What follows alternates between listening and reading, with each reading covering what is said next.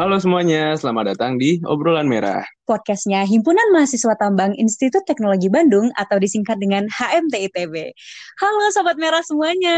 Halo, Nah, balik lagi nih hari ini bersama aku Hayati. dan aku Banu di episode keempat dari Obrolan Merah. Gak terasa ya, udah episode keempat nih. Dan kali ini juga bintang tamunya menarik juga nih. Iya, siapa tuh Ban? Siapa tuh Kak? Coba. Nih ya clue-nya, beliau ini seseorang yang sangat luar biasa. Dia ini juga baru aja balik dari Jepang. Wah, keren banget ya. Iya, jadi kita datengin bintang tamu dari Jepang. Jepang. Gue kepo gak sih? Langsung dipanggil aja kali ya. Iya, boleh. Halo Katia. Halo. Halo Kak Tia. Ye, akhirnya kita bisa mendatangkan Kak Tia di sela-sela kesibukan ya Kak ya. Halo Hayati, halo Banu.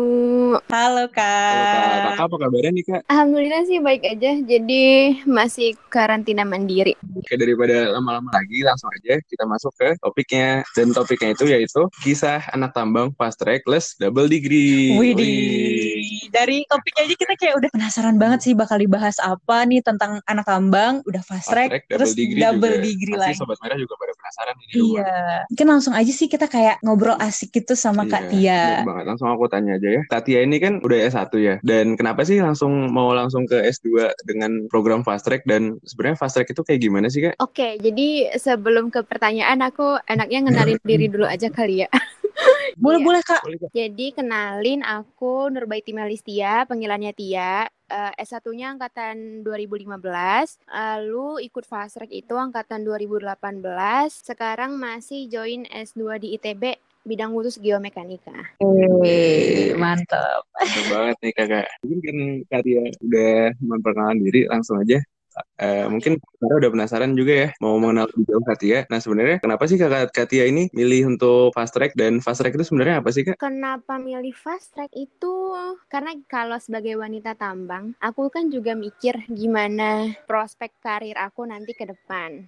Jadi dengan join S2, aku ngerasa lebih fleksibel atau lebih banyak pilihan untuk wanita berkarir di tambang. Karena secara realistis pun mau nggak mau mungkin tenaga pria tuh lebih dibutuhkan. Jadi aku harus meningkatkan dari sisi profesionalisme aku nih, aku mikirnya dulu. Makanya aku memutuskan ya udah kalau emang aku join fast track atau join S2 dengan harapan value diri aku bakal nambah. That's why aku ambil fast track dan karena banyak keuntungannya juga sih. Oke oke. Terus Kak, kan itu sebenarnya fast track ini kan juga S2 nih. Tapi maksudnya kenapa sih dari Kak Tia itu awal mula termotivasi untuk lebih memilih fast track daripada S2 biasanya. Jadi kayak selesai S1 dulu baru S2. Tapi ini kan Kak Tia lebih milih fast track kan Kak? Nah itu kenapa Kak? Iya, aku jelasin dulu kali ya program fast track ITB itu kayak gimana.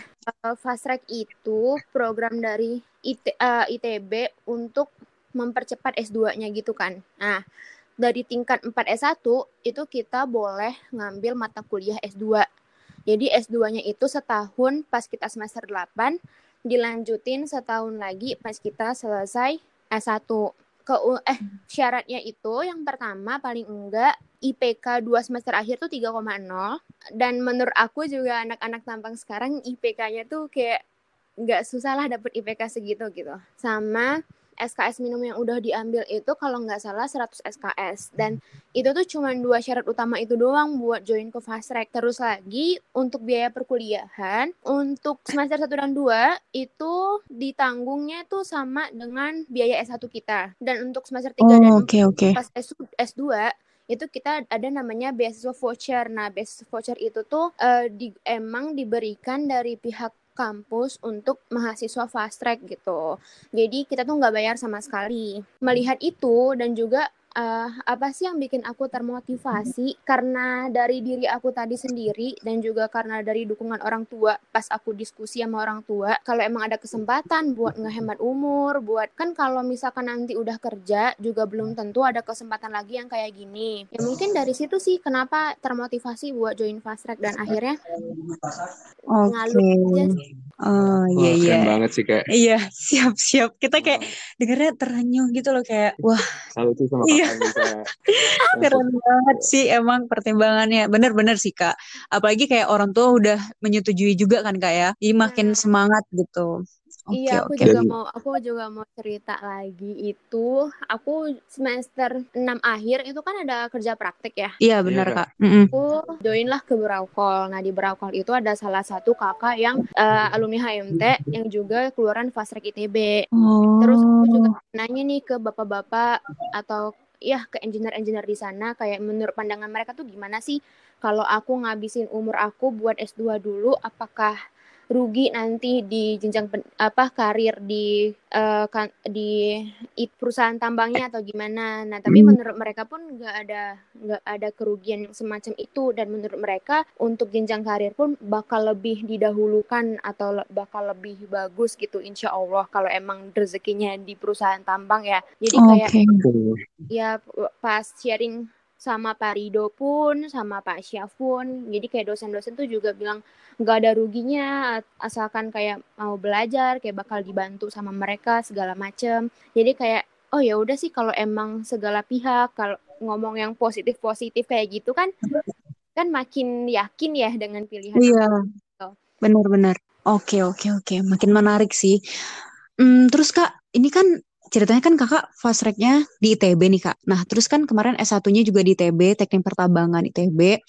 Nah, kan sebenarnya tuh secara tidak langsung lingkungannya tuh kan hampir sama lah Kak. Nah, cuman pengen tahu aja sih Kak, sebenarnya perbedaan yang paling kerasa ketika Kakak fast track sama ketika kuliah bi- S1 biasa di ITB itu apa Kak bedanya? bedanya ini fast track dulu ya belum ngomong- ngomongin double degree kan ya Iya, Iya belum, belum. Mas Rek Fast track dulu. bedanya itu jumlah mahasiswanya pasti lebih dikit tuh jadi Oh iya, benar-benar. eh, fast track itu aku cuman join sama satu kelas 13 orang lah 13 kecuali ada kelas yang emang saat semua S2 berkumpul itu baru kayak puluhan kelas gede nah di situ aku ngerasa kita itu dapat quality time sama dosennya itu eh, jadi Hmm, dis- open discuss-nya tuh lebih berasa itu yang pertama oke. terus yang kedua kita tuh nggak pasif. Jadi aku ngerasa S1 di ITB tuh jarang banget yang ada namanya kayak presentasi secara mandiri gitu ya. Paling kan per kelompok dan itu pun kita kan per berpart-part banyak part gitu kan. Jadi kayak bagi-bagi gitu kan. Nah, kalau di S2 ini berasa banget buat ngulik materi sendiri atau segala macam untuk dipresentasikan. Biasanya pun yang presentasi itu cuma satu atau dua orang. Jadi kayak lebih berasa bertanggung jawab dengan materi yang dibawakan. Jadi kayak aku eh, le- lebih lebih masuk sih materi yang S2 ini karena ditambah udah ngerti dari S1, ditambah lagi dikasih kesempatan buat presentasi dan sistem sistem belajar mengajar yang aktif kayak gitu sama pesertanya. Jadi kan kalau S2 kita nggak dipatokin sama usia gitu ya. Jadi Mm-mm.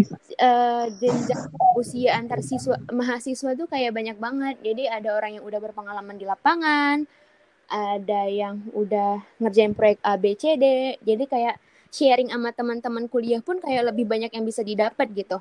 Karena mereka udah dari mana-mana. Nah, kalau aku kan kayak emang cuman teori duduk di kelas, terus eh, ngelanjutin apa yang ada di kelas gitu, apa yang dosen bilang aja gitu teori.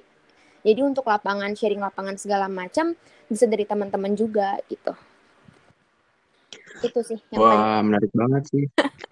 Menarik banget sih ini. Dengar pengalaman di fast track ini selain bisa ketemu orang juga benefitnya lebih banyak ya, bisa lebih fleksibel. Terus kita Iya. juga punya eh, daya tarik lebih gitu Iya, jadi kita bisa nantinya. lebih improve diri sendiri juga kayak lebih eh, mematangkan apa sih yang udah kita pelajari sama selama ini Heeh. kayak buat kita dalamin lebih jauh lagi di si Iya. S2 itu di fast track Iya, pertama. apalagi bisa ketemu orang-orang yang lebih berpengalaman ya. Iya, betul. Iya. Oke, Oke, terus oke. kan kita udah dengar nih se- pengalaman fast track di ITB itu kayak gimana. Nah, mungkin kita lanjut ke double degree-nya mungkin ya. Iya, ini sih aku kepo banget sih double degree ini. Iya, ini juga. Iya.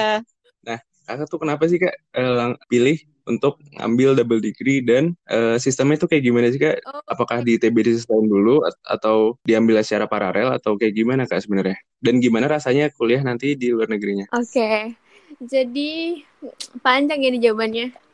itu tuh Gak apa-apa kak, Apa apa kak? cerita aja kak semuanya. berawal Sobat merah juga nungguin nih kak. Iya. Oke, jadi awal awal aku tahu double degree dari cutting 2013 ada Kalinda, 2014 ada Bang Hari. Terus ah apa sih? Nah, jadi aku tanyain tuh ke Pak Syaf, Pak, double degree itu apa sih gitu kan. Jadi Pak Syaf tuh bilang, Pak Syaf tuh dou- double degree itu eh, apa? Jadi kita tuh ITB ngirim mahasiswa ke Kyushu, ke Kyushu University. Tapi itu tuh bukan kita yang mau, tapi gimana Pak Syaf bisa teryakinkan oleh kita gitu. Pak Syaf tuh bilang bilang gitu waktu itu ya. Jadi kayak emang mahasiswa yang kayak gimana sih yang Pak Syaf pengen gitu kan? Aku tuh nanya gitu.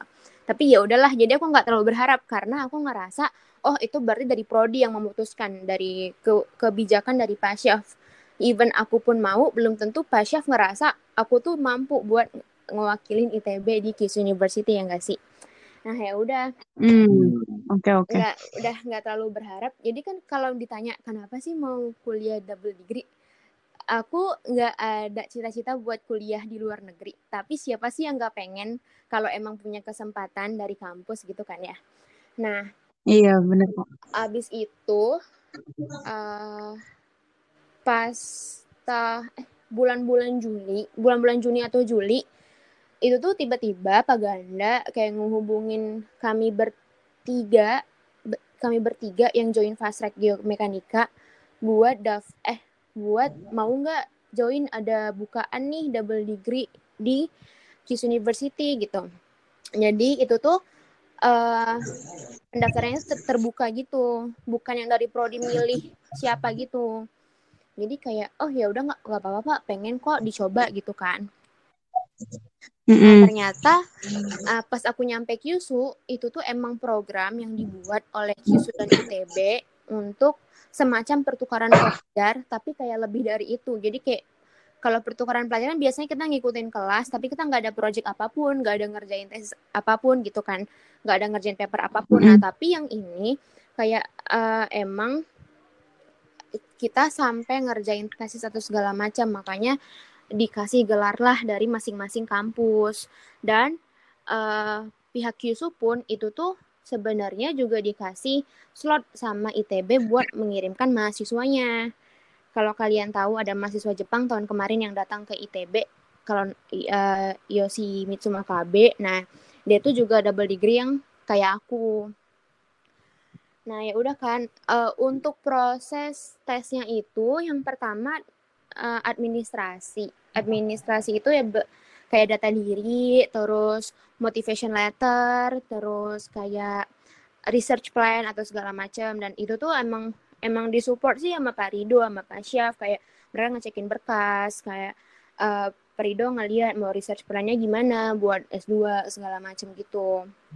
Nah, udah bertiga baru itu diumumin ternyata lab yang buka itu ada dua lab. Jadi satu lab aku rock engineering, satunya lab safety engineering. Mak eh, si labnya Farhan. Habis itu barulah kami presentasi eh teleconference sama sensei-sensei di sana eh untuk memaparkan research plan yang bakal dilakuin di sana. Terus sensei setuju dan akhirnya ya udah alhamdulillah eh, diterima gitu aja sih sebenarnya. Dan itu eh tuition fee buat di Kyushu University-nya udah udah ditanggung sama pihak kampus. Terus pesawat bolak-balik juga udah ditanggung sama dapat beasiswa per bulannya itu eh, beasiswa JASO kurang lebih 80 ribu yen atau sekitar 11 jutaan gitu. Itu kalau Oke. Menarik banget ini tentang double degree ini. Iya, berarti eh, kemarin tuh udah ke sana buat dites gitu dulu ya kak ya ceritanya ya? telekonferensi aja lewat lewat Skype. Oh, berarti waktu itu kakak masih di Indonesia ceritanya, terus telekonfer ko- telekonferensi, terus kalau misalnya memang mereka udah eh, agree nih, mereka udah accept dari apa yang udah dipresentasikan, baru kakak berangkat ke sana. Iya, betul. Nah, sebenarnya Oh, nggak harus mereka setujuin juga sih karena mm, karena juga kemarin eh, tema tesis aku tuh ditolak sebetulnya. Tapi sensei langsung Oh. bilang mending mending bahasannya ini ini ini aja. Terus aku setuju Pak Rido oke. Ya udah makanya ya oke okay, gitu. Jadi sebenarnya hmm. uh, apa sih presentasi itu lebih ke discuss sama sensei gitu kali ya oke oke oke. Btw kak ini kakak kemarin kan udah di Jepang tuh. Nah gimana sih kak? Mungkin bisa cerita ini ke kita uh, ke sobat merah yang ada di rumah juga rasanya kuliah di luar negeri itu gimana sih kak? Terutama kuliah di Jepang gitu. Mungkin kakak bisa ceritain nih pengalaman pribadi kakak di sana. Dimulai dari kampusnya kali ya. Kalau dari kampus uh, sistem belajar mengajarnya, kalau aku nggak tahu ini Kyushu doang atau segala univ tuh kayak gini, tapi uh, dari kampus itu tuh mengutamakan research. Terus, mm. jadi untuk memfasilitasi itu, setiap mahasiswa itu tuh kayak dapat uh, meja atau desknya sendiri gitu. Jadi ada PC kamu sendiri, uh, kayak ada meja kamu sendiri. Nah, itu tempat kamu beraktivitas. Biasanya mahasiswa itu dari jam 9 pagi sampai jam 5 sore. Jadi kalau kamu datang lebih pagi ya nggak apa-apa, atau kamu mau begadang sampai malam pun nggak apa-apa gitu. Uh, hmm. Itu tuh terserah kamu mau kamu pakai buat ngapain, entah kamu mau pakai belajar mata kuliah apa, ntar mau kamu pakai riset, bahkan ntar mau kau pakai nonton ngedrakor atau gimana itu tuh kayak bebas terserah kamu. Ya, itu tuh kayak meja kamu aja gitu. Nah pengalaman terus, pribadi ya kak iya. Bener banget. Terus kalau dari kelasnya uh, kelasnya tuh aku nggak ngedapetin kayak yang di ITB sih. Jadi kalau mata kuliah di ITB itu kayak kalau kamu geomekanika berarti kamu tuh kayak fokus di mata kuliah yang mendalami geomek. Nah, kalau di sana itu tuh matkulnya mat, kayak matkul-matkul umum aja. Jadi yang aku pelajarin, yang aku ambil itu ya kayak mempelajari tentang geotermal, terus permi uh, berminyakan, terus rock engineering secara umum, secara geofisik. Jadi semua hal-hal yang secara umum gitu. Jadi tapi samanya itu kayak kita tuh sama-sama presentasi juga kalau di sana. Uh, bukan yang cuma nerima dari dosen doang jadi tetap kita yang mempresentasikan kayak dosen yang ngasih tema uh, small project. Terus ada juga kayak petroleum kelas petroleum itu uh, nanti kamu tuh presentasi tiap minggu buat nge upgrade uh, si mini project kamu sampai nanti akhir buat laporannya atau segala macam. Ini kayak lebih lebih kayak gitu sih kalau sistem kelasnya. Uh, okay. Kalau okay. iya itu sih yang berasa banget. Sama kalau lingkungan lingkungan di sekitar kampus itu enak banget karena Kyushu itu kan pedesaan ya, jauh dari kota. Kalau mau ke kota itu butuh akses kereta lebih kurang lebih kayak setengah jaman gitu. Jadi beneran udaranya fresh, terus bersih, rapi, semua orang disiplin gitu. Jadi culture shock yang positif sih. Oke, okay. uh, bagus ya kalau kayak gitu ya, culture iya, shocknya positif gitu kayak. Ya. Iya betul betul. Yang yang agak gimana tuh paling makanan doang sih awal-awal kayak pasti oh, kan iya, menu bener, makanan. makanannya iya menu di kantin kan pasti kayak um, ada porknya gitu kan jadi yang iya. aman-aman itu paling kalau kita belinya tuh ikan kayak tuna atau salmon atau udang segala macam nah jadi aku ngesiasatinnya itu buat masak sendiri jadi di kan Oh iya, aku lupa bilang kalau kita itu juga dapat dorm.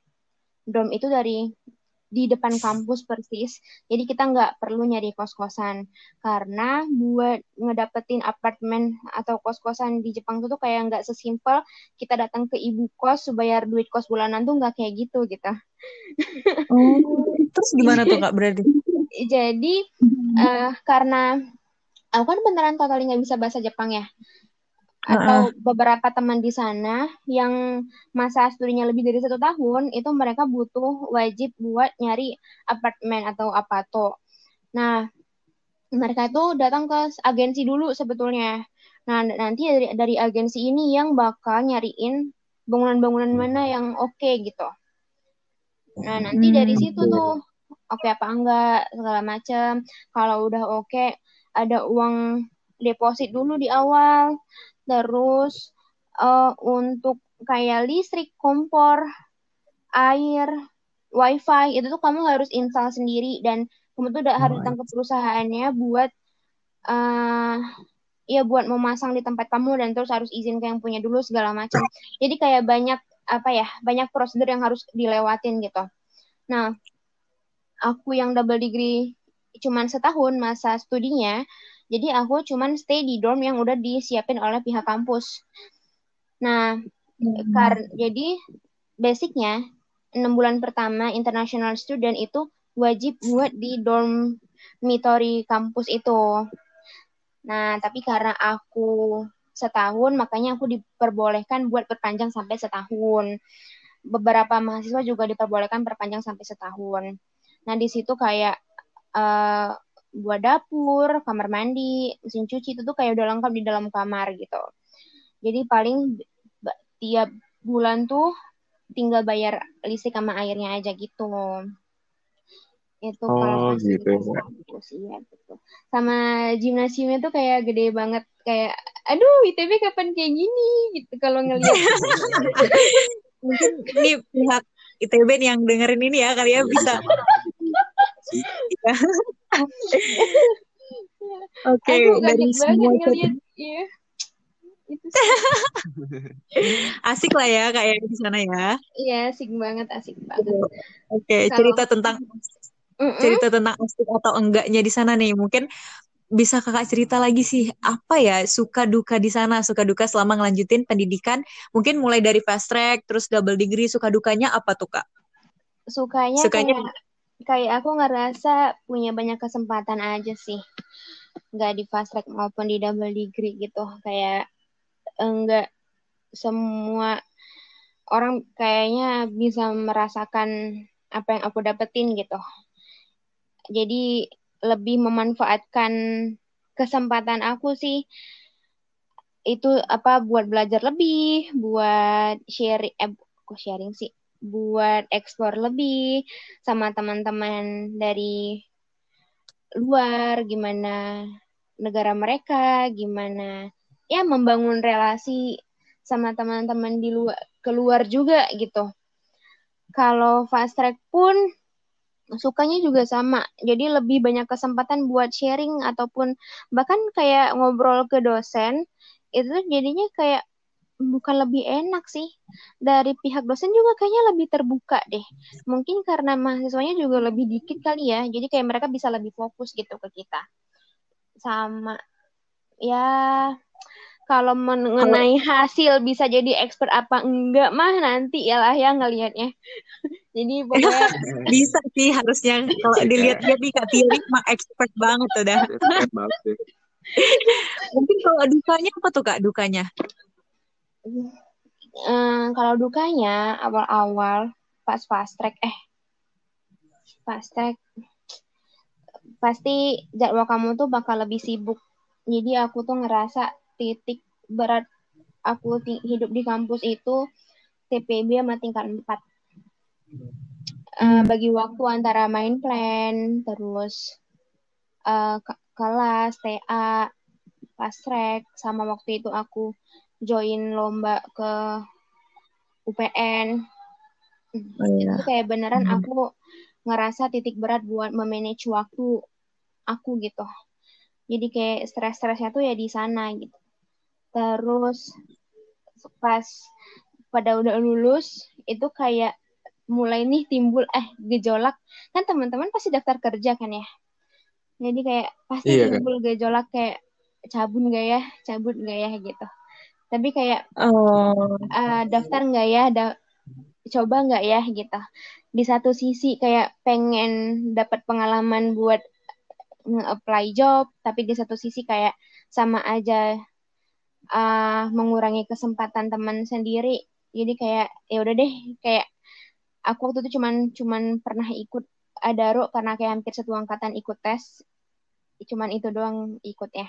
Terus kayak ngeliat temen kerja kok kayak enak. Jadi udah pada punya penghasilan gitu iya, gitu ya ceritanya kan jadi apalagi kan- menggiurkan kan, iya apalagi kayak teman-teman di sekitar aku teman-teman SMA kan juga udah pada kerja kan ya. Kayak Uh, uh, uh. jadi kayak kok kayak enak ya. Tapi kembali lagi sih yang itu tadi bahkan beberapa teman aku yang beberapa tahun udah kerja pun ternyata mereka menginginkan eh enaknya sih punya kesempatan buat sekolah lagi. Dan mereka pun kayak eh, galaunya makin-makin kalau udah kerja tapi mau lanjut sekolah gitu. Karena harus ada yang direlakan kan. Nah Iya, jadi kayak kembali lagi kayak harus eh, bersyukur lagi. Terus kayak kembali ke tujuan awal segala macem. Kayak ngeriset otak lagi. Jadi kayak itu sih. Terus kalau duka di eh, pas double degree itu dukanya paling cuman nggak bisa ketemu orang tua sama nggak bisa ngerasain masakan Indo. Udah itu doang kayaknya. Itu bikin kangen banget sih Kak. iya beneran sesimpel itu. Karena beneran kalau kalau homesick orang tua jauh banget. Ya nggak bisa. Apalagi bulan Maret kemarin kan abang aku nikah. Jadi kayak kehilangan momen yang cuman terjadi sekali seumur hidup. Datang abang nikah tuh kayak Iya. hilang gitu loh Ya ampun, itu sedih banget. tapi hmm, lebih menghargai juga yang namanya ngumpul sama keluarga tuh ya di situ juga sih. Karena kan kalau kita Hmm. ngerasa ya meskipun aku juga udah ngerantau Bandung Palembang ya tapi tetap aja em, ngerasa biasa aja dekat Bandung Palembang gitu kan ya. Pas di sana tuh kayak momen-momen sama keluarga tuh beneran penting gitu. Jadi kayak lebih berasanya tuh pas di sana. Sama masakan masakan Jepang tuh beda banget. Gimana ya? Kayak hambar gitu loh. Kalau di sini kayak pedes gitu ya kak, sambel-sambelan. iya beneran beneran penuh rasa gitu Iya, iya. Kan Bener-bener can relate sih. Iya betul betul. Jadi kayak ya Allah nasi padang ya Allah sebentar lagi nasi padang kayak gue udah jauh-jauh kangennya nasi padang juga ya Kak. iya betul. Betul lebih ke itu. Kalau selainnya tuh nggak ada sih. Masalah bahasa paling aku eh, sama orang Jepang kayak sama penduduk lokal mungkin kesulitan. Tapi kalau di sekitaran kampus itu oke banget. Karena sem- eh, staff ataupun dosen ataupun teman-teman itu pasti kayak ngerti lah bahasa Inggris. Bahkan jagoan mereka kayaknya. Kayak teman-teman yang dari Afrika atau dari eh eh, Asia Tenggara kayak Filipina, Thailand. Itu tuh kayak mereka kayaknya jago sih Wah, oke. Wah, udah dengar banyak banget nih ya Sobat Merah. Suka duka dari fast track, suka duka dari double degree. Nah, bisa jadi pertimbangan juga nih buat Sobat Merah yang pengen fast track dan double degree. Kayak gimana sih rasanya kan kita udah denger nih dari dari tadi.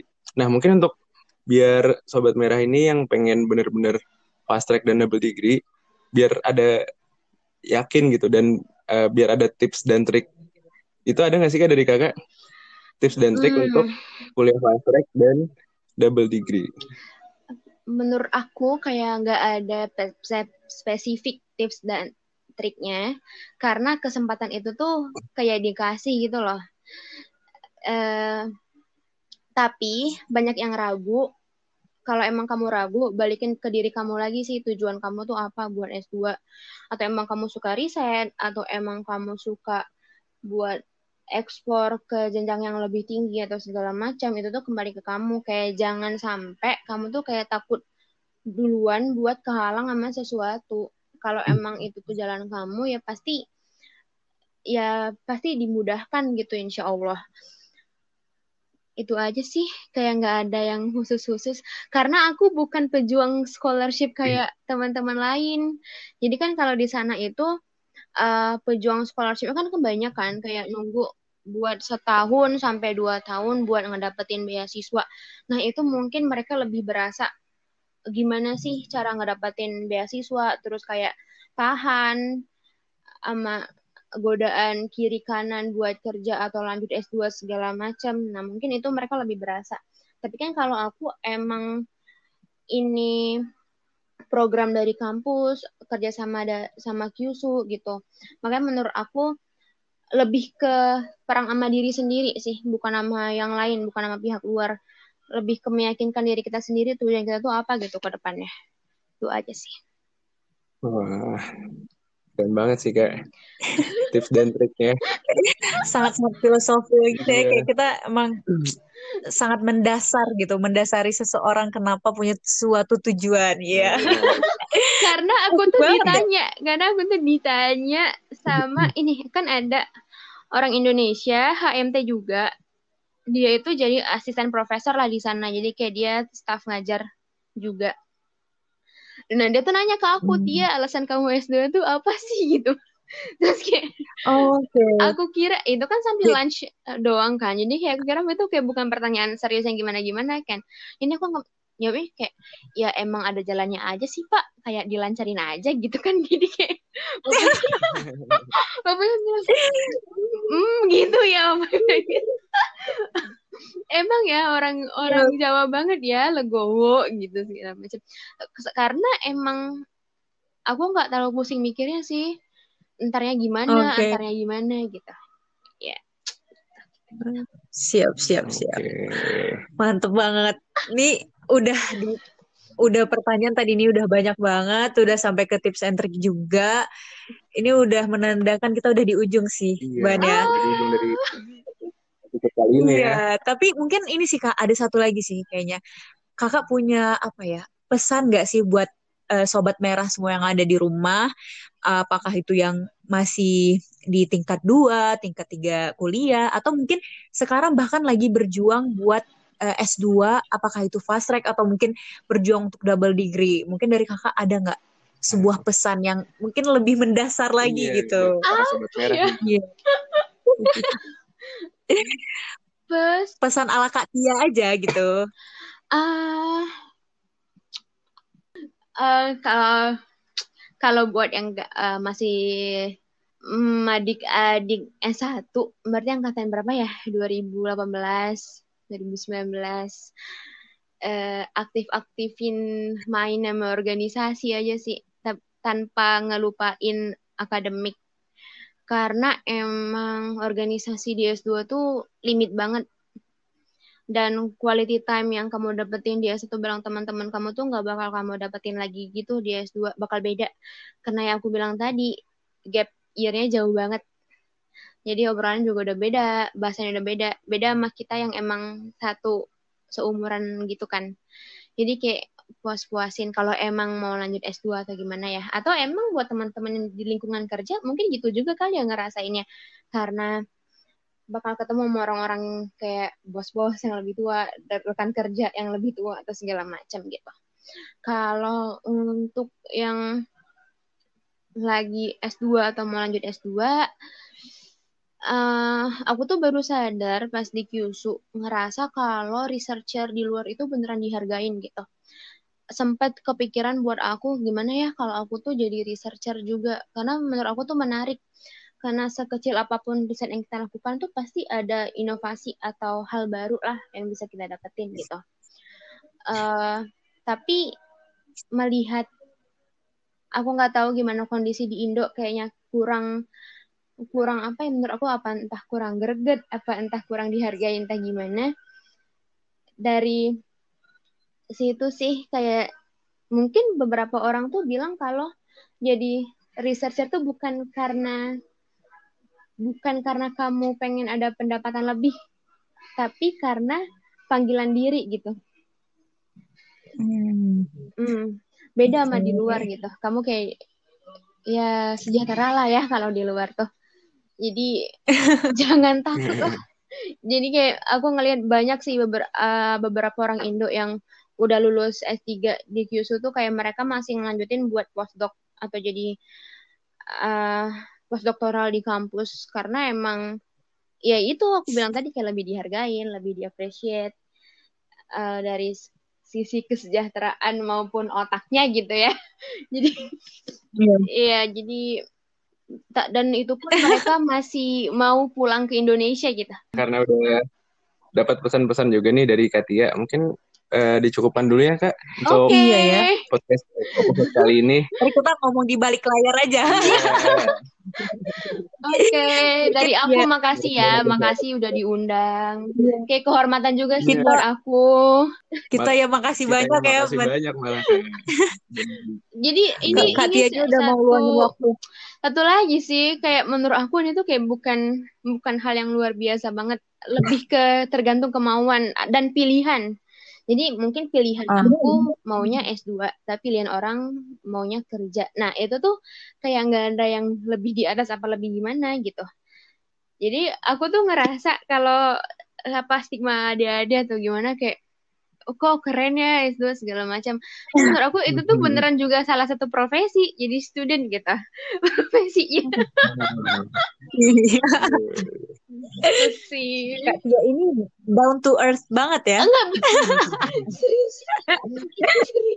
Sama ini deh Keren. nambahin deh kalau di Jepang itu kayaknya ketemu sama orang-orang yang ngagumin tuh nggak ada habis-habisnya gitu loh. Oke. Iya, kayak di mana pun Hmm. aku kayak ketemu dosen, ternyata aku ketemu kayak sama Pak Sugeng, kayak banyak banyak nilai-nilai yang emang bisa diambil gitu. Ternyata sama teman-teman Indo aja ya, oh ternyata mereka ini dosen UGM, oh ternyata dia ini dosen biologi, terus oh ternyata dia tuh kayak udah struggling buat dua tahun buat ke Jepang, belajar bahasa Jepang dulu setahun segala macam. Jadi kayak hmm, apa ya? Bakal guilty sendiri gitu gak sih kalau malas-malasan ketemu orang-orang kayak gitu. Jadi bus buat semangat tuh kayaknya datang terus gitu kalau di sana. Semoga ntar kita bisa lah ya Bannya dapat kesempatan mungkin yang berbeda gitu ya, tapi iya. bisa dapat kesempatan yang mantep juga. Amin. Amin. Tia ya. Amin. Oke Kak Tia, mungkin sampai di sini dulu nih eh, podcast kita hari ini ngobrol-ngobrol sama Kak Tianya, ngobrol-ngobrolnya sangat bermanfaat. Makasih banyak buat Kak Tia yang udah luangin waktunya untuk eh, menjadi pembicara di obrolan merah. Iya, dan makasih juga buat Sobat Merah yang udah setia dengerin sampai episode kali ini. Dan sampai jumpa di episode selanjutnya. Bye. Bye bye. Makasih ya Kak Tia. Makasih. Ya, thank you for having me. Bye bye.